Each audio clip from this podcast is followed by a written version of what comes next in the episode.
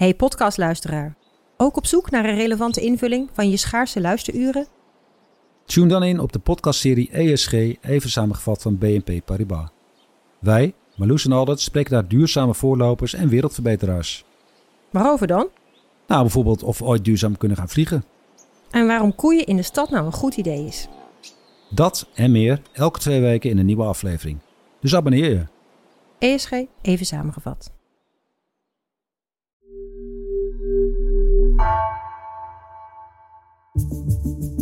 Vanaf de redactie van NRC het verhaal van vandaag. Mijn naam is Floor Boon.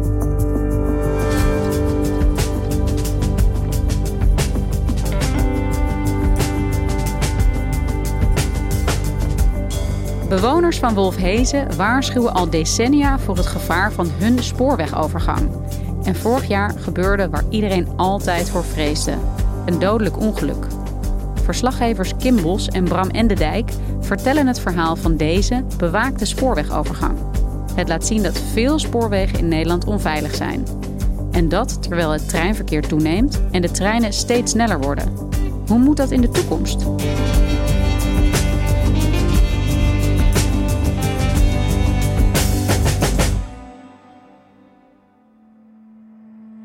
Peter Peltzer is een lange man met een heel lief gezicht. Hij is vrijwillig brandweerman in Wolfhezen. En hij woont in een groot wit huis dat vlakbij het spoor ligt. Hoe lang zit je al bij de brandweer? Kleine 19 jaar. En toen uh, zag mijn vrouw uh, dat huisje in Wolfhezen op Funda. En ik uh, was er gelijk verliefd op. En ik woon nu 11 jaar in uh, Wolfhezen. Hij wilde daar ook juist zo graag wonen vanwege dat stationnetje. Het is natuurlijk helemaal niet zo gebruikelijk dat een kleine plaats een station heeft. En je bent vanaf daar in, nou, ik zeven minuten in Arnhem, een half uurtje naar Utrecht. Dus het is een heel centrale plek midden in de natuur. En op 23 juli vorig jaar, het was een zonnige dag, hoorde hij het getoeter van de trein. Het was uh, vrijdagmorgen en uh, daar hebben we een heel klein marktje hier in, uh, in. En de bakker was aanwezig, de kaasboer was aanwezig. Het was een beetje zo'n dag als vandaag, lekker zonnig. Eerst het gerinkel van de bel. En dan daarna de trein die aankomt bulderen. maar dan een hele harde toeter. En niet zoals hij ze noemde vrolijke toetertjes van een trein die ergens langs de weg iets ziet, maar de harde toeters. Ik hoorde de trein toeteren uh, heel hard. Ik hoorde klap. En ik hoorde remmen. En ik hoor ook uh, een hoop geschreeuw. Ik ben naartoe gerend en uh, gelijk 112 gebeld. En omdat hij bij de vrijwillige brandweer zit, wist hij wel, nou ja, dit betekent niet zoveel goed, want dat had hij al zo vaak meegemaakt. Dus hij ging meteen het huis uit naar het spoor. En daar zag hij een meneer liggen. Ik ben eerst naar die man gelopen. Ik heb gezien hoe hij erbij lag. Ik zat erbij en, ik keek ernaar van jeetje, hoe moet ik dit oppakken? Dit was zo'n pittige casus. Het was heel lastig. Heiko van Midlo, een man van 89. Die was aangereden. Hij woont in een woonzorgcentrum voor blinden en slechtzienden vlak naast het spoor. En uh, zoals bijna elke vrijdagochtend ging hij naar het marktje aan de andere kant van het spoor. Nou ja, dan staat hij daar te wachten hè, totdat hij denkt dat het veilig is. Alleen wat er gebeurde is dat hij begon zijn tocht over het spoor. En hij was die dag met zijn rollator. En het wieltje van zijn rollator bleef hangen in de rails. Uh, dus hij werd uh, wel geraakt. Pelzer zag het ook wel toen hij daar aankwam. Het gaat echt helemaal niet goed met deze meneer. Ik kon op dat moment niet veel meer betekenen. Hij zei, zei wil je bij me blijven? Ik zeg, ik blijf bij je, ik blijf voortdurend bij je. Ik heb het wel verschil gemaakt door zijn hand vast te pakken. Ik bedoel, het verschil maken zit op hele kleine dingetjes. Hè? Dat je voor iemand kan zijn. Ook al weet je van dit loopt niet goed af. Hij heeft nog wel een gesprek met hem kunnen voeren. Peter zegt ja, dat komt waarschijnlijk door de adrenaline die dan door je lichaam schiet. Dus ze hebben wel een klein gesprekje gehad. Maar het was eigenlijk wel duidelijk: deze man is zo hard geraakt, die gaat het niet uh, redden. En, en kort daarna overleed hij. Dit ongeluk was eigenlijk het ongeluk dat iedereen al jaren had zien aankomen. Waar het hele dorp ook al wel bang voor was. Want er zijn in al die jaren dat het spoor daar ligt zoveel bijna ongelukken geweest en echte ongelukken. Maar dit was echt iets waarvoor gevreesd werd en gewaarschuwd werd. Maar al die tijd is het toch niet gelukt om het spoor zo veilig te maken dat dit voorkomen kon worden. Ja, Kim, dit is echt een tragisch verhaal. Waarom zijn jullie uitgerekend naar Wolfhezen gegaan? Waarom hebben jullie daar het verhaal opgetekend van deze brandweerman en dit ongeluk? Ja, mijn collega Bram Endendijk en ik raakten al een paar jaar geleden geïntrigeerd door spoorwegovergangen. Uh, dat was eigenlijk na het ongeluk uh, met de stint in Os. In 2018 was dat. Uh, er zijn er is een, een vrouw, een begeleidster van een opvang met de stint op een spoor beland. En in die stint, een soort bakfiets. En daar zijn vier kinderen bij omgekomen. Toen na dat ongeluk met de stint raakt hij geïnteresseerd in beveiligde spoorwegovergang. Want je gaat ervan uit dat dat veilige plekken zijn waar je niet uh, zomaar onder een trein terechtkomt. Maar toen bleek eigenlijk dat op die plekken ook veel ongelukken gebeuren. En Wolfhezen is een heel interessante plek, omdat uh, het is een overweg die wel beveiligd is. We hebben in Nederland ook nog best wel wat onbeveiligde overwegen, maar deze is beveiligd. Maar toch zeggen de omwonenden al jaren, echt decennia, hier moet iets gebeuren. En we ontdekten wel dat deze plek ook wel staat voor veel van dit soort uh, overwegen in Nederland. En als we het hebben over spoorwegovergangen in Nederland, over hoeveel gaat het dan? En zijn ze allemaal onveilig? Ja, ProRail zegt eigenlijk het beste spoorwegovergang is geen spoorwegovergang. Dus allemaal brengen ze een risico met zich mee. En het doel is ook echt om alle spoorwegovergangen uh, nou ja, weg te krijgen. Uh, maar je hebt, er is wel een verschil tussen echt gevaarlijke onbewaakte spoorwegovergangen. Waar dus ook gewoon geen, niet van die hekken voor staan, geen belletjes rinkelen. Dat zijn er geloof ik nog zo'n 200. Uh, eh, en die moeten binnen een paar jaar echt allemaal weg zijn. En er zijn zo'n 1500 bewaakte spoorwegovergangen. En zelfs daarover is eens gezegd van nou, de ambitie is uh, om die in 2040 allemaal weg te hebben. Als we het hebben over onveilig van dit soort spoorwegovergangen, ook van bewaakte spoorwegovergangen, hoe gevaarlijk zijn ze? In 2018 publiceerde de Onderzoeksraad voor de Veiligheid een onderzoek naar spoorwegovergangen in Nederland. En de conclusie was dat het aantal ongelukken in Nederland onacceptabel hoog is. Jaarlijks zijn er tussen de 20 en de 50 ongelukken op uh, overgangen. En daarbij vallen gemiddeld 11 doden. Was tot dan toe berekend. En er is geen reden om aan te nemen dat dat nu heel anders al is. Een van deze onveilige is dus Wolfhezen, waar jullie zijn gaan kijken is duidelijk hoe het daar vorig jaar zo heeft kunnen misgaan.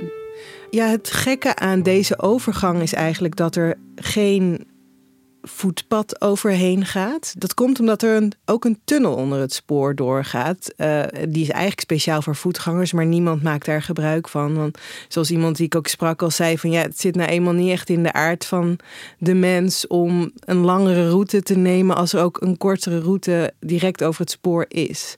Maar daardoor heb je als je over het spoor loopt wel het gevoel van: oh, waar moet ik nou precies heen? Het is eigenlijk heel onoverzichtelijk. Ja, het is super onoverzichtelijk, vind ik. En heel veel mensen die we spraken kunnen zich ook bijna ongelukken herinneren. Echt iedereen vertelt wel iets van die keer dat ik net met mijn fiets op tijd onder de slagboom kwam. Of een verhaal van een gezin dat over dat spoor liep en net op het perron kon klimmen.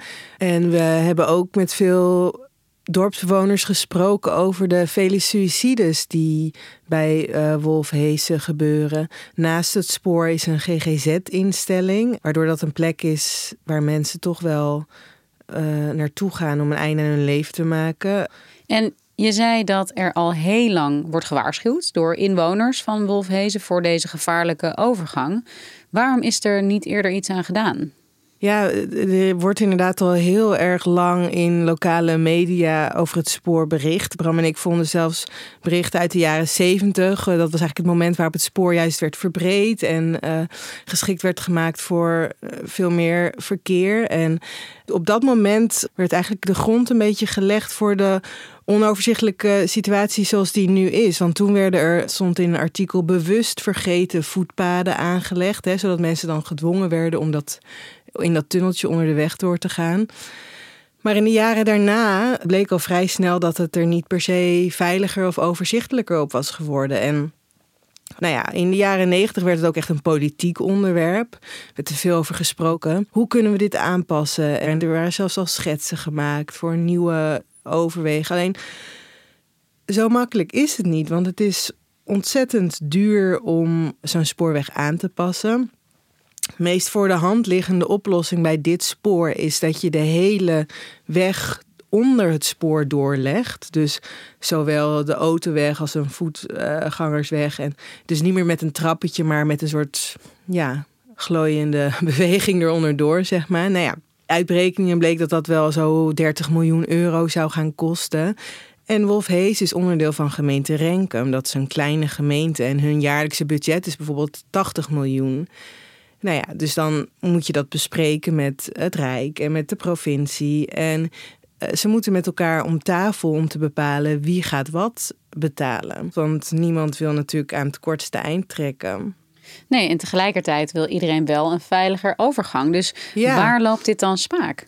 Ja, de complexiteit van zo'n project. Dus bijvoorbeeld de weg die zo'n spoor overkruist, is bijvoorbeeld van de provincie.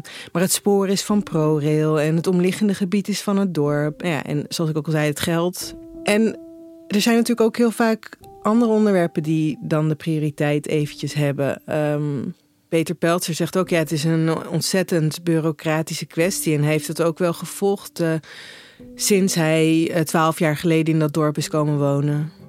Vanaf achter het bureau, dan is het gewoon een incident zoveel. Maar als je er zo intensief bij betrokken raakt en uh, die dingen ziet gebeuren hier, dat dat het verschil zou moeten maken. En ik denk niet dat ze zich echt realiseren van uh, wat voor impact dat heeft op alle inwoners hier. Maar ook op de machinisten, op de conducteurs, op de passagiers, op de hulpverleners, op de inwoners. Ik denk dat meerdere partijen hierin de verantwoordelijkheid moeten nemen. En niet continu naar elkaar wijzen. En niet alles hoeft af te hangen van geld.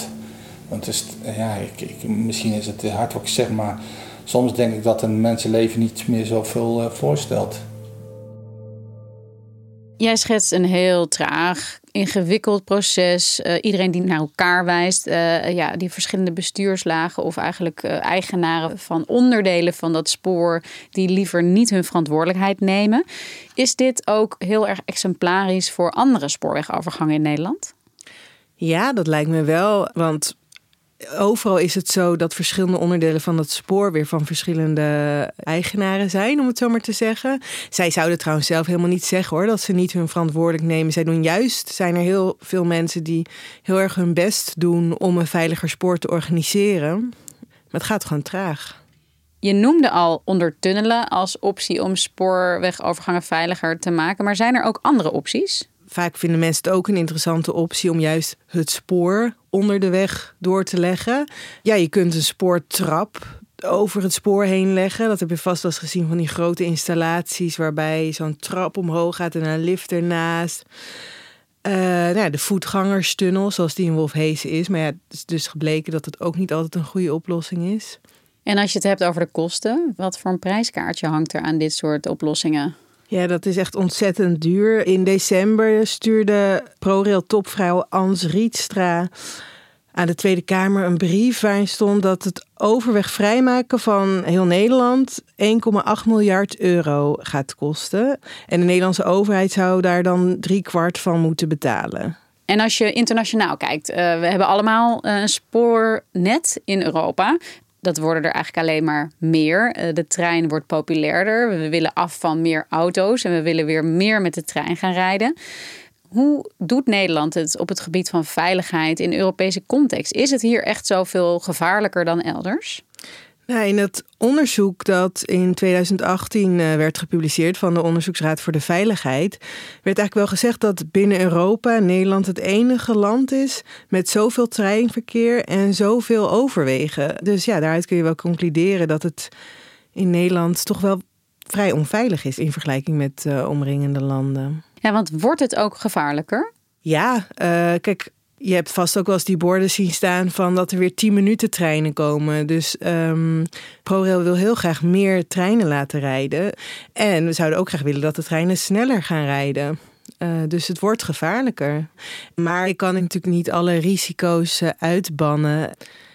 Ja, dat zeggen de mensen ook die aan die verbeteringen werken ook wel. Van ja, we kunnen nooit een spoor maken dat uh, 100% ongelukvrij is.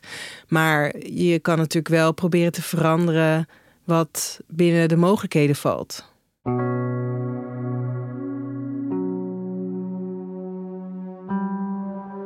En is er iets bekend over Wolfhezen nu? Wanneer deze spoorwegovergang als zodanig gaat verdwijnen? Heeft dit ongeluk daar nog een versnelling in gebracht? De betrokken partijen die vertelden dat ze eigenlijk, ik geloof op de dag van het ongeluk, een persbericht hadden klaarstaan om te verzenden. Waarin ze zeiden: We hebben nu echt concrete plannen voor het ondertunnelen van het spoor. Dat persbericht werd in werkelijkheid een paar weken later verzonden, omdat ze vonden dat dat niet echt kon op zo'n dag. Nou ja, daarin schetsen ze dat de komende jaren dat spoor ondertunneld gaat worden. En wat betekent dit nu voor mensen zoals de vrijwillige brandweerman Peter? Bijna alle mensen in Wolfhezen die we spraken over het spoor, die eh, begonnen uit zichzelf een beetje die toeter en die rem van die trein na te doen en dat geluid. En soms schreven, nou, als we dat horen, dan denken we meteen: oh nee, wat is er nu weer gebeurd? En bij Peter Peltzer heeft dat nog eens extra veel impact. Elke keer als hij weer dat lange getoeter van die trein hoort, dan krimpt hij helemaal in elkaar. En hij vertelde ons ook wel: ja, nergens in mijn huis hoor ik die trein niet. Dus ik kan er nergens voor vluchten. Ik uh, was met mijn vrouw samen in de tuin. Mijn vrouw was met de tuin bezig en ik hoorde de trein toeteren. Nou, dat gaat altijd door merg en been. Ik heb daar best wel een, een soort lichtelijke vorm van een trauma aan overgehouden. Dat als ik iedere keer die trein hoor toeteren, dan heb ik de hart al in mijn keel zitten. Dus het spoor heeft heel veel impact op alle omwonenden. Maar het lijkt nu toch wel echt alsof er binnen niet al te lange tijd iets gaat veranderen. Er staat heel concreet een plan op papier en in 2024 moet de bouw van de tunnel beginnen. En in 2025 moet die dan af zijn. En dat is wel iets wat bewoners van Wolfhees heel optimistisch stemt. Dankjewel, Kim. Graag gedaan. Praten over zelfdoding kan bij de landelijke hulplijn 113, zelfmoordpreventie. Telefoon 0800 0113 of www.113.nl.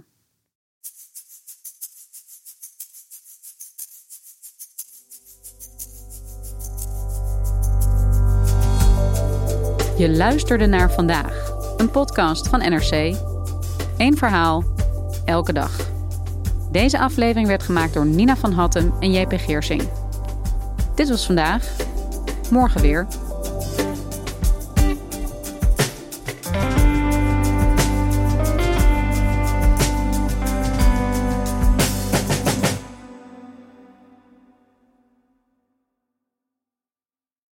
Technologie lijkt tegenwoordig het antwoord op iedere uitdaging.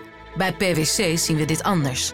Als we de potentie van technologie willen benutten, kunnen we niet zonder een menselijk perspectief. Human-led, tech-powered noemen we dat. Ga naar pwc.nl.